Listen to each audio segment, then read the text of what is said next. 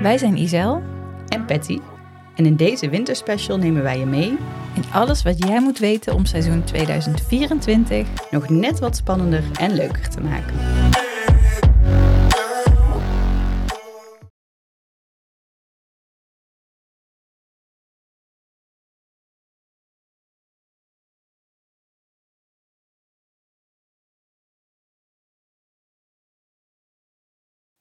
Nou Pet, wat hebben wij afgelopen vrijdag gedaan?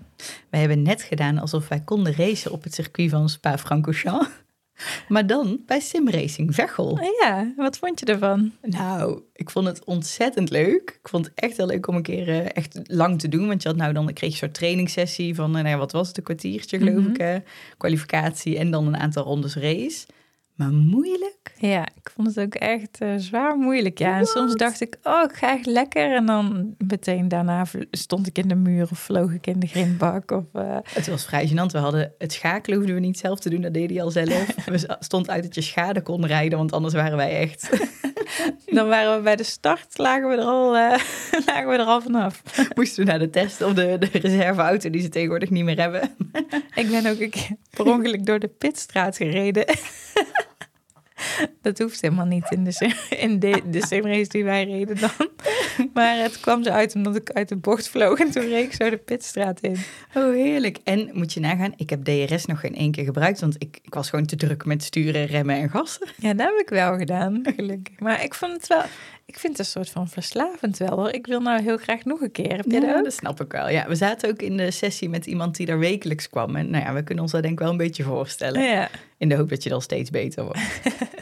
Nou, voor onze trouwe luisteraars, uh, jullie uh, zal zeker zijn opgevallen, vooral als je zelf het Formule 1 circus ook bent blijven volgen, dat wij onze winterspecials al lang en breed hadden opgenomen. Daar hebben wij een lekkere decemberdag voor genomen, toen het nog uh, bar slecht weer was in Nederland. Nou ja, je zult hebben gemerkt, als je het nieuws volgde, dat we een hoop te bespreken hebben, dus let's go. Ja, we beginnen, dat is al eigenlijk best wel weer lang geleden dat dit nieuws was, maar naar het onderzoek wat naar de familie Wolf is gedaan. Want Toto Wolf is natuurlijk uh, teambaas bij Mercedes, het Formule 1-team, en Susie Wolf is uh, directeur van de F1 Academy. En er zou uh, ja, sprake kunnen zijn van belangenverstrengeling door die twee posities en, en de familieband tussen hen. Um, ja, het ging met name om informatie die Suzy dan zou kunnen hebben lekken naar uh, Toto, omdat zij dus inderdaad bij de FIA best wel hoog in de boom nu zit. Ja, dus het onderzoek kwam ook vanuit, of de FIA wilde dat onderzoek doen, geloof ik, hè? Ja, die waren volgens mij de, de aankondiger. Maar ja, een dag later kwamen eigenlijk alle Formule 1-teams met hetzelfde statement dat, uh, dat ze echt niet geloofden dat er iets aan de hand zou zijn en dat het onderzoek niet nodig was. En toen is het eigenlijk ook uh, meteen afgekapt. Ja, storm en een glas water. Ja. Nou, dan uh, wel nieuws wat wij denk ik allebei toch best verdrietig vinden. Uh, Gunther Steiner is per direct weg bij Haas. Ja. Als teambaas. Dus uh, we gaan hem niet meer zien. In ieder geval ook zeker niet in de, de Drive to Survive die volgend jaar uit zal komen als er weer een nieuwe komt. Ja, veel mensen gaan hem missen. Iedereen vond het toch wel een grappige vent. Mooie uitspraken. Maar ik snap het eerlijk gezegd wel. Dat ik hij snap het ook, maar nou las ik dus gisteren of zo dat uh, hij blijkbaar tegen Jack Ploy heeft gezegd van dat hij zelf heeft besloten mm. om weg te gaan omdat hij een hele grote sponsor had aangetrokken. Maar in ruil daarvoor wilde hij aandelen in het team en dat uh, daar uh, was Gene Haas tegen en dat hij toen gezegd heeft, nou dan hoeft het voor mij niet meer. Ja, dan weet ik niet of hij dat zegt om zijn gezicht mm. te redden, zeg maar. Want ik kan me ook heel goed voorstellen dat hij is weggestuurd na ja, zoveel slechte seizoenen achter elkaar. Ja, of dat het misschien een beetje een soort overeenstemming met elkaar. Want als je de nieuwe Drive to Survive kijkt, zeg maar die nu net uh, online staat, hoor je hem wel ook vaak zeggen van ik moet hier eigenlijk weg. En uh, dus nou ja, in die zin kan ik me voorstellen dat hij ook zelf wel een beetje hiervoor heeft gekozen, ja. Nou, dan uh, kwam nog naar buiten dat vanaf 2026 er geen Grand Prix meer wordt gereden in Barcelona, maar dat de Grand Prix van Spanje naar Madrid verhuist. En dat wordt weer een stratencircuit. Ja. Dus aan de ene kant is het um, misschien niet zo erg dat Barcelona van de kalender verdwijnt, omdat heel veel coureurs dat goed kennen, dat Ja. circuit, omdat daar vroeger veel getest werd.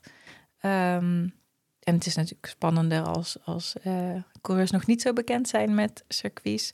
Maar ja, weer een stratencircuit erbij. Ik weet niet of ik daar blij mee ben. Nee, nee, vooral als je nu ook weer al merkt wat voor gedoe er toch op die straatcircuits kan zijn. Met gewoon de, de- ja, het, het straatmeubilair, zou ik maar zeggen, waar ze niks aan kunnen doen. Zijn de putdeksels. Eh, denk ik wel inderdaad van, oh ja. En plus, het maakt het ook allemaal, het zijn dan altijd vrij smalle racebanen, wat ook het inhalen weer lastiger maakt over het algemeen. Ja. Dus eh, ja, wisselend enthousiast inderdaad.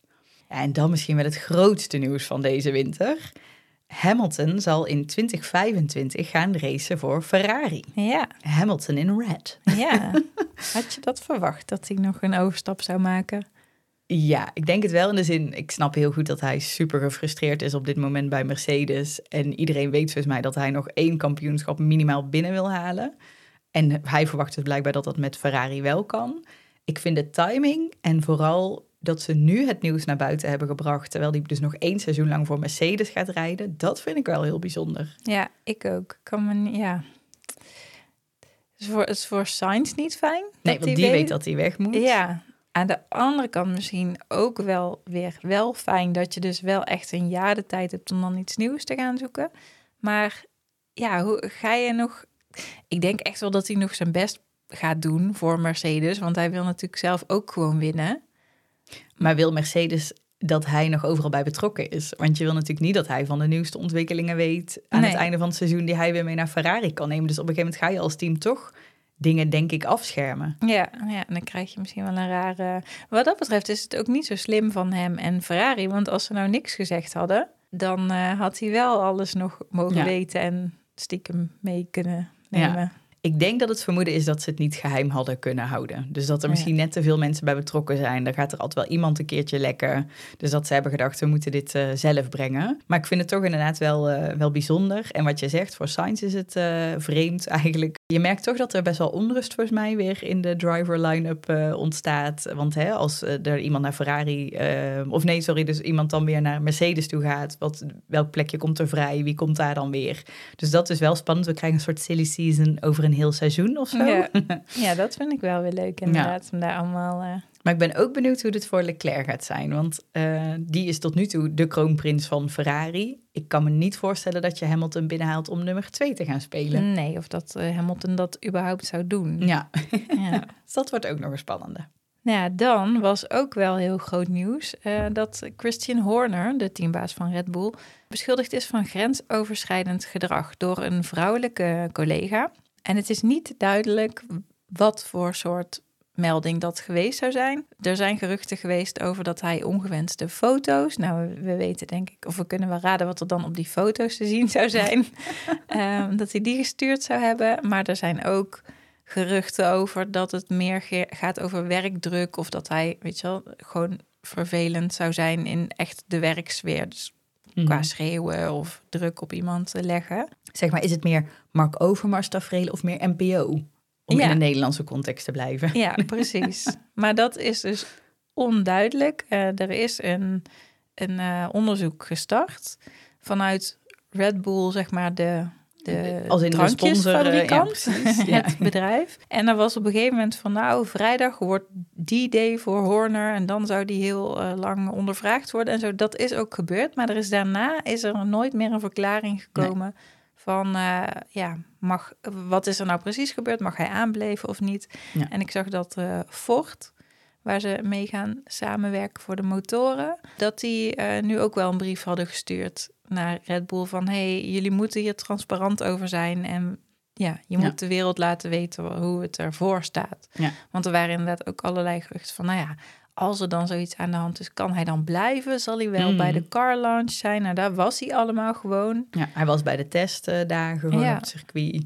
Dus tot nu toe lijkt er in die zin niet zo heel veel aan de hand. Maar er wordt inderdaad best wel druk opgelegd van kom nou snel met een beslissing hierover. Want dit kan niet blijven doorsudderen. Dus eh, ja, ik ben, er was nou van de week nieuws dat het misschien, zeg maar komende vrijdag, dus 1 maart, net voor de race, dat er dan toch wel echt een definitieve uitspraak zou komen. Dus Ben we gaan het horen.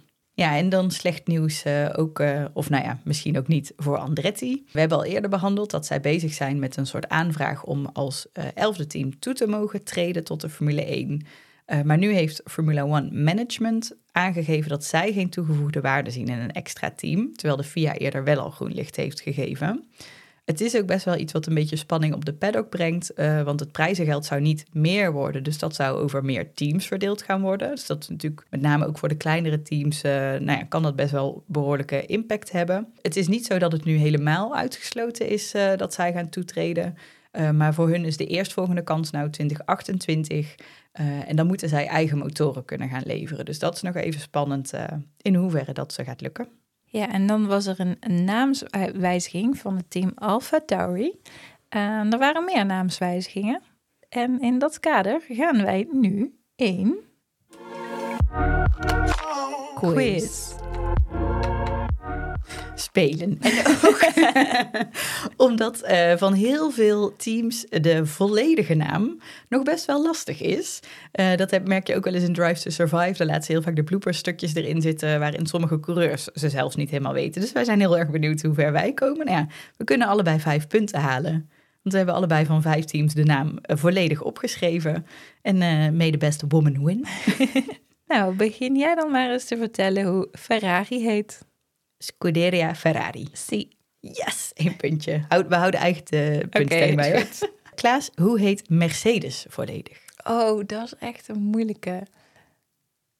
AMG, Mercedes Petronas. Dan ben ik hem kwijt. F1 team. En officieel is het Mercedes AMG Petronas, maar best wel goed. Half puntje. Vind ik Half ook. puntje. Aston Martin. Ja, even denken. Die hebben volgens mij twee sponsoren in de naam zitten. Aramco, Cognizant en dan Aston Martin. Ja, dat is grappig dat je dat nou zegt. Want ik dacht, uh, inderdaad, dat komt me nu heel bekend voor. Maar nu, als je op hun website kijkt, is het gewoon Aston Martin Aramco. Oh. Dus misschien dat Cognizant er, afgevallen, uh, is. afgevallen is. Geen punt. Oké. Dan ben ik heel benieuwd of jij de volledige naam van McLaren weet. Shit zeg, ik zit echt niet goed op te letten de hele tijd. Het is blijkbaar de makkelijkste, denk ik. Oké, McLaren Racing Team. Formula One Team. nou, als ik net geen punt had, jij nu ook niet. dan Williams. Uh, Williams Racing. Juist. Oh nee, die was dan ook makkelijk. nee, ik weet niet of ik daar racing per se had uh, geweten. Maar nee. Uh, Red Bull. Ah, Oracle Red Bull Racing. Pam, pam, pam, volle punt. Yes. dus ik heb anderhalf punt. Nou, Oké. Okay. Sauber. Uh, oh god. Dat is nou Steak Sauber F1 team? Steak F1 team Kick oh. Sauber. Oh. Zo is ook geen punt. Nee. Heel die steak vergeten. Denk aan biefstuk. Nou, daar is ook nog wel iets mee, toch? Want steak is dus een iets van wedden, weddenschaps iets of zo. Een Gok, wedding goksite uh, platform, ja. Dus dat mag ook niet in elk land uh, oh, mogen nee. ze die naam gebruiken. Dus dan in die gevallen zou het dan volgens mij Kik Sauber zijn oh. of zo. Ja, er is ooit ook een, een team geweest dat Lucky Strike, een sigarettenmerk, als hoofdsponsor had. BAR, Ja, klopt. Die reden dan inderdaad de Grand Prix bijvoorbeeld in Frankrijk, waar dat al heel lang niet meer mocht, dat soort reclame, dan gewoon met een soort witte auto's. Even kijken, nou dan misschien wel de moeilijkste. Ik ben benieuwd of je eruit komt. RB, formerly known as Alpha Tauri. Ja, Visa Cash App RB. Ja, dan officieel Formula One team, maar deze tel ik wel goed. ik vond dat je heel uit kwam. Tweeënhalf punt volgens mij. En dan Haas. Uh, is het nog steeds MoneyGram Haas? Ja. Nou, MoneyGram Haas F1 team. team. Maar oké, okay, dat zit iedereen er gewoon achter. Dus, dus en, ik heb 2,5. En jij? Je hebt er nog eentje. Oh. Je, je gaat me sowieso denk ik inhalen, want ah. ik heb er dan nou twee goed. Alpine. Alpine. BWT F1 team. Hmm. Ach, het valt, valt tegen. Nou. het is toch ook niet te doen als die coureurs het zelf al niet eens weten. Nou, dan uh, werd ook natuurlijk deze winter de line-up van de F1 Academy bekend. En daar zitten weer een aantal uh, oude bekenden bij van, uh, van vorig seizoen. Zoals Emily de Heus, en Maya Weug, de twee uh, coureurs met Nederlandse roots. Ehm, ja, Maya Weug had volgens mij drie verschillende nationaliteiten of zo, maar toch? Ja. we benadrukken nu even een, de eh, Nederlandse roots van Maya Weug. We gaan er gewoon goed. claimen. nou ja, en dan kwamen er nog een aantal nieuwe sponsoren zijn ingestapt. Zoals bijvoorbeeld eh, kledingmerk Tommy Hilfiger en cosmetica-merk Charlotte Tilbury. Dus ik ben heel benieuwd naar ehm, ja, de, de grid en hoe het eruit gaat zien qua liveries. Want er gaan Hm. ontzettend veel verschillende liveries dadelijk zijn. Want de Tommy Hilfiger heeft een eigen, Charlotte Tilbury heeft een eigen. Maar ook alle tiende teams, ehm, de Formule 1 teams, hebben één, Oh ja, min- minimaal één coureur rijden met hun livery. het wordt een soort circus. Ja, dan heb je nog de liveries van de, de, de teams, de F1 Academy teams zelf. Ja. Dus hoe ga je nou in godsnaam zien wie bij welk team hoort? Maar goed. Het is wel positief dat er blijkbaar zoveel interesse ook vanuit sponsoren en zo Ja. komt. Dus dat is heel goed. Maar nou, ik ben benieuwd of dat voor de herkenbaarheid van de coureurs nog wat gaat doen, ja. Ja, wat ook wel leuk was dat, ehm, nou ja, zoals ik net zei, elk eh, eh, Formule 1 team zou dus één coureur als het ware gaan sponsoren die met hun livery zou rijden. Maar Red Bull heeft alle drie de coureurs van eh, het team MP Motorsport gesponsord. Dus die rijden alle drie in de Red Bull eh, livery. Dat is ieder geval Dat is duidelijk. duidelijk, ja. Ja, dan zijn er ook een paar nieuwe namen bij. Testcoureurs gekomen dit jaar.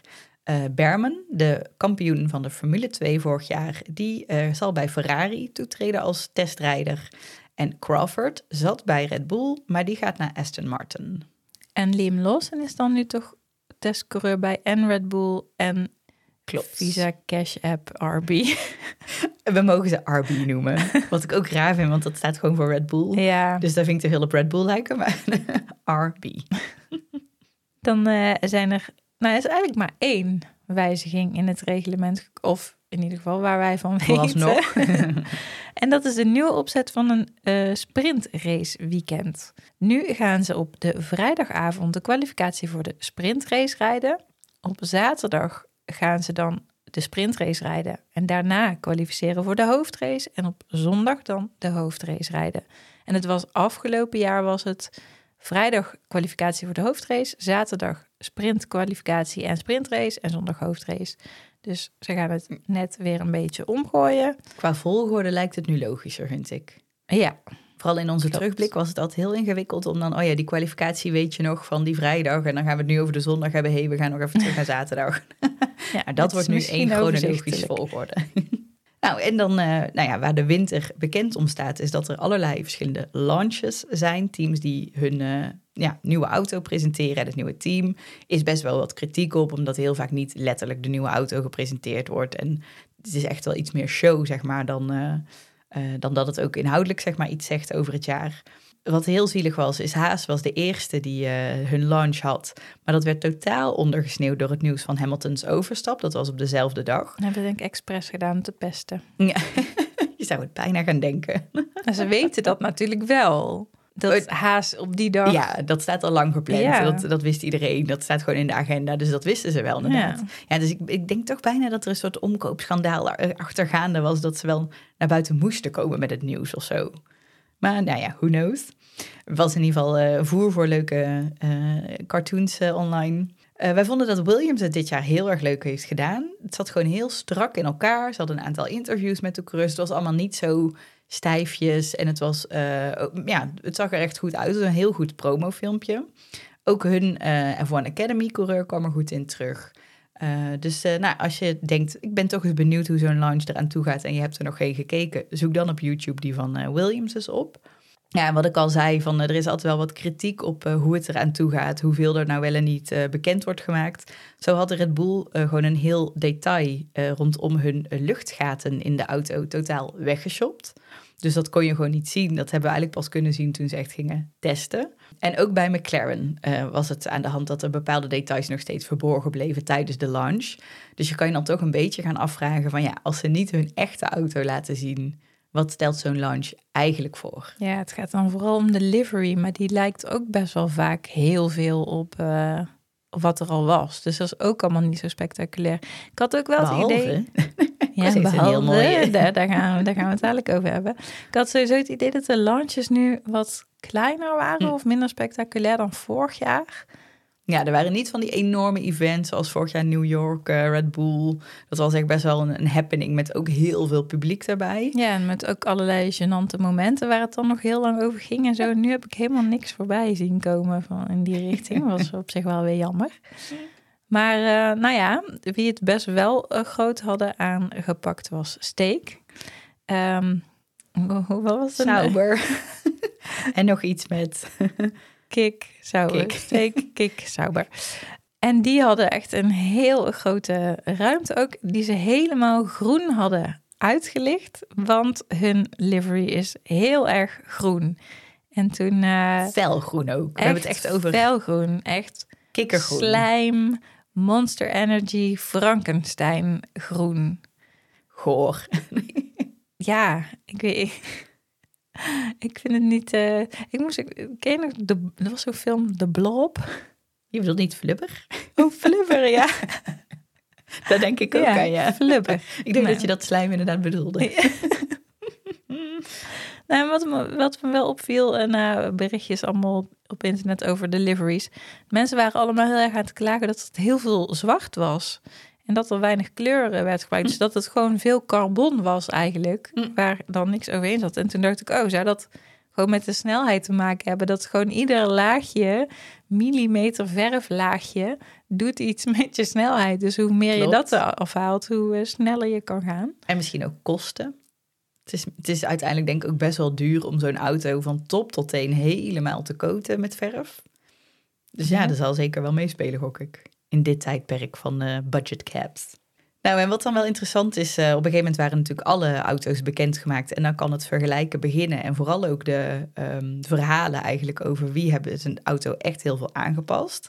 En dan is heel erg grappig uh, dat Steak Sauber naar Red Bull lijkt te hebben gekeken qua ontwerp van de auto.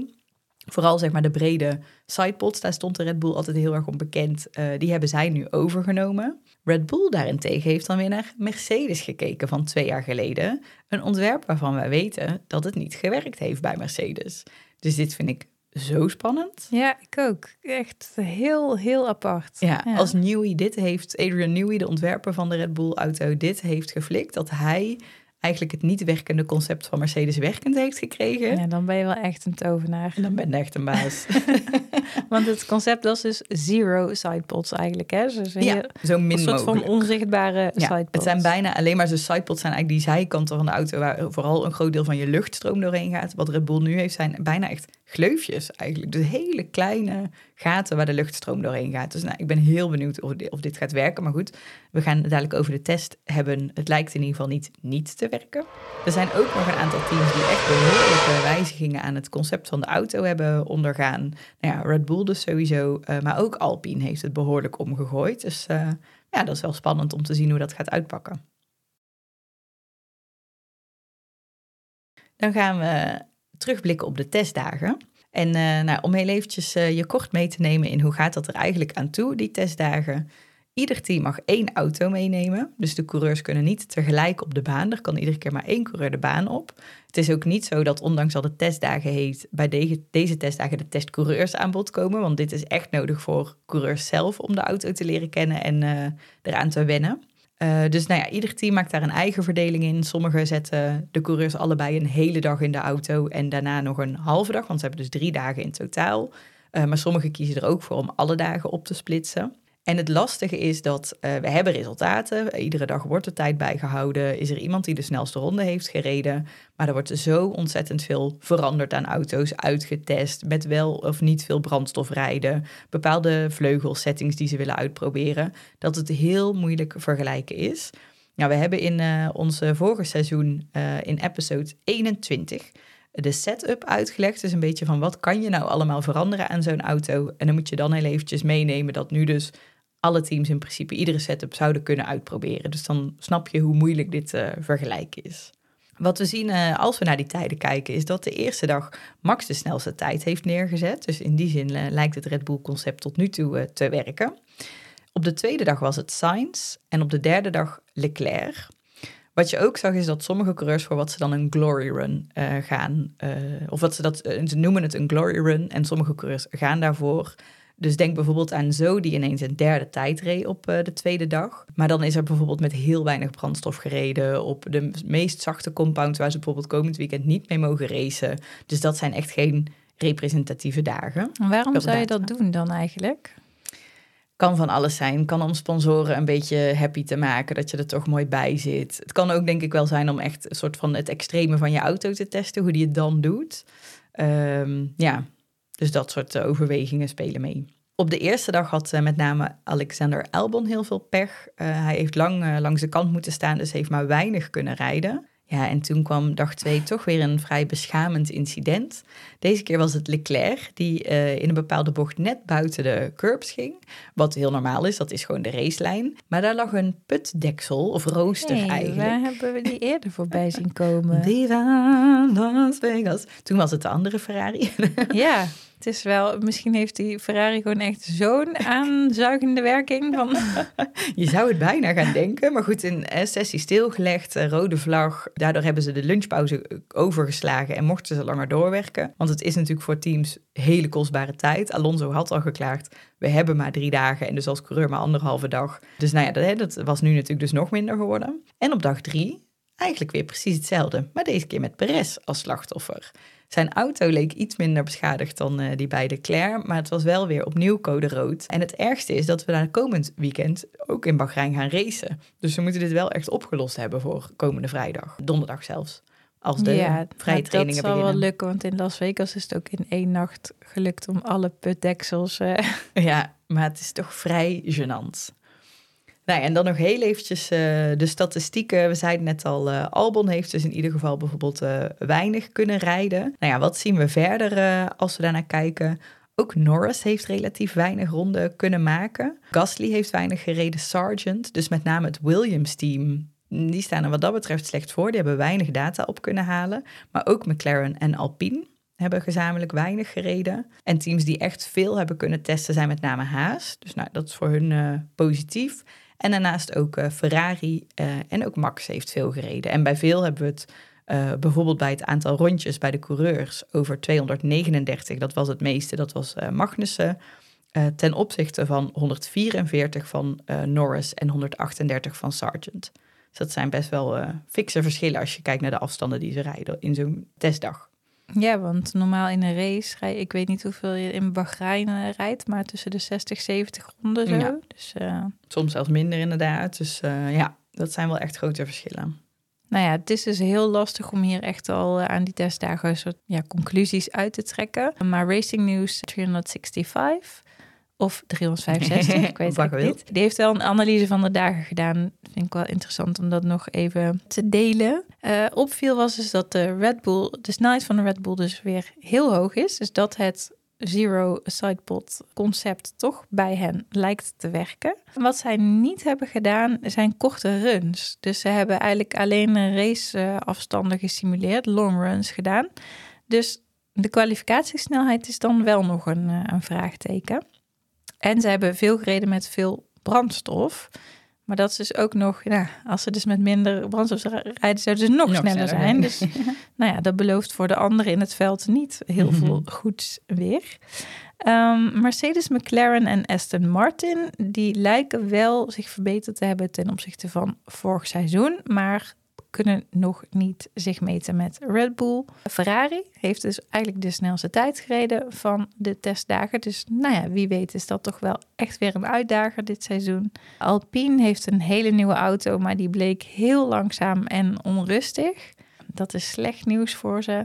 Williams had veel betrouwbaarheidsproblemen, heeft dus weinig kunnen rijden inderdaad. En de RB zag er sterk uit, vooral in de handen van Ricciardo. Die hebben waarschijnlijk, uh, nou ja, de banden tussen RB en uh, Red Bull zijn ook aangehaald. Dus wie weet hebben ze nu al heel veel uh, informatie uitgewisseld. Steek was eigenlijk onopvallend qua snelheid, dus niet snel. en um, Haas is volgens Racing News het enige team dat qua snelheid een dikke onvoldoende krijgt. Ai, ai, ai. Dus daar heeft de nieuwe teambaas ook nog niet heel veel verandering, ja, kunnen, verandering brengen. kunnen brengen. Maar dat snap ik, want die is net eigenlijk een paar weken Een aan de slag. Nou, jij zei al, uh, de banden tussen Red Bull en uh, RB. het is toch heel dubbel op, Ja, hè? heel raar. RB to the max. Ik zou echt bijna Visa Cash App gaan zeggen, maar ja, dat is ook belachelijk. VC. Ah. nee, wordt niet beter. Nou, die banden die zijn aangehaald en eh, mogelijk heeft dat er een beetje toe geleid dat Zack Brown, de teambaas van McLaren, kritiek heeft geuit. Eh, want nou ja, zoals we eerder al hebben behandeld, er is een budget cap, dus er is een limiet aan wat teams mogen spenderen aan ontwikkeling van de auto's. Eh, en hij geeft eigenlijk aan, ja, doordat zij veel dingen nu samen doen, en dus denk bijvoorbeeld ook bij wijze van aan een financiële administratie die, ik weet niet of dit waar is, maar zo'n team, hè, dat, dat zouden zij gezamenlijk kunnen regelen, dat bespaart natuurlijk ook kosten. Dus daar heeft hij wel kritiek op gehad van mag dat eigenlijk nog wel in deze setting van de Formule 1, dat teams zo'n band met elkaar hebben. Nou, daar is tot nu toe nog volgens mij niet echt op gereageerd, niet door andere teams, sowieso niet door de FIA. Dus nou ja, ja, dat mag tot nu toe. Uh, maar ik vond het wel interessant. Ik had er nog niet zo naar gekeken. Van, uh, het is, ik vind het sowieso een leuke constructie dat RB een beetje het opleidingsteam als het ware is voor Red Bull. Maar misschien dat ze er stiekem nog meer voordeel uithalen dan je aan de voorkant kan zien. Nou, dan zouden ze wel, wellicht een lagere budgetcap moeten krijgen samen of zo. Ja. F1 Media. media. Ja, het was een, een winter vol media. Ja, dat, dat was, we hebben ons niet hoeven vervelen. Dat was uh, nee, genoeg toch? nieuws. Ja, en het it, kept coming. er was iedere week wel weer iets. En dat begon uh, nog ver, ver in, uh, ik geloof dat het zelfs december was, met dat er een documentaire over Braun GP online kwam. Nou weet ik even niet meer. Was op Netflix, toch? Nee. nee, waar stond oh, nou welke op? andere app? Zo'n blauwe. Prime. op Prime. Op Prime kwam de documentaire online over het Braun GP-team. Uh, zij zijn in 2009 kampioen geworden met de coureur Jensen Button. En dat was heel erg bijzonder. Het was uh, net als uh, aan de vooravond van het, uh, de Mercedes-dominantie met de elektromotoren, hadden zij ook een, een, ja, een reglementswijziging waar zij slim gebruik van hebben weten te maken. En daardoor zijn zij kampioen geworden. Daarna zijn zij ook Mercedes geworden. Dat is uiteindelijk door hun overgenomen. Maar dat hele seizoen, de, deze hele docu-serie gaat over alle hoofdrolspelers die eigenlijk behandelen van hoe bijzonder het was dat zij als underdog, ze waren bijna failliet gegaan die winter stonden toch op de grid uiteindelijk. Uh, dat het zo bijzonder is gegaan. En, ze behandelen hoe dat, uh, hoe dat gegaan is. Ze hebben toen een soort maas in de wet gevonden waarmee zij een dubbele diffuser, uh, dus waar je luchtstroom aan het einde eigenlijk weer van je auto eruit gaat. En dat is later dus ook in het reglement weer aangepast dat dat dus inderdaad niet mocht.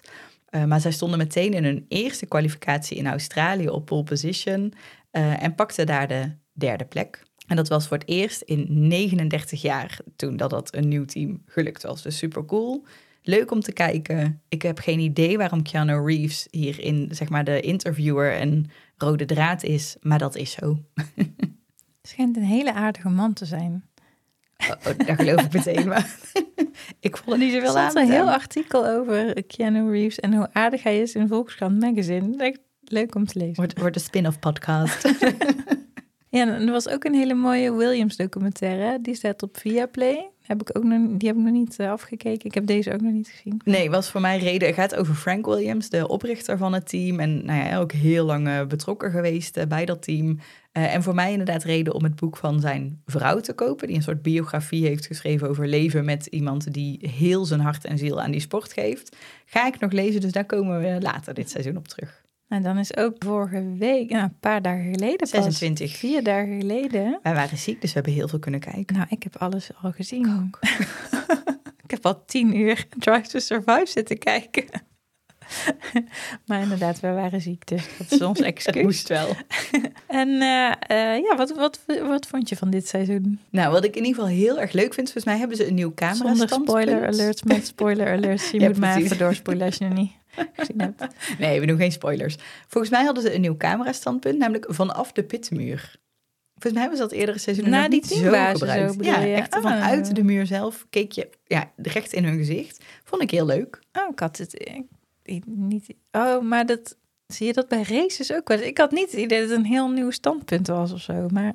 Nou, meestal kijken ze dan mee van achter Van de van de zijkant. zijkant, ja. En nu was het echt zo in your face. Dat vond ik heel leuk. Ja, en er zat natuurlijk één, één pijnlijk momentje kunnen we wel als plotspoiler weggeven, toch? De kerstman op bezoek bij Zo, familie ja. Horner. Ja. ja, die vraagt ook gewoon aan de kinderen van Christian Horner. Is papa braaf geweest dit jaar?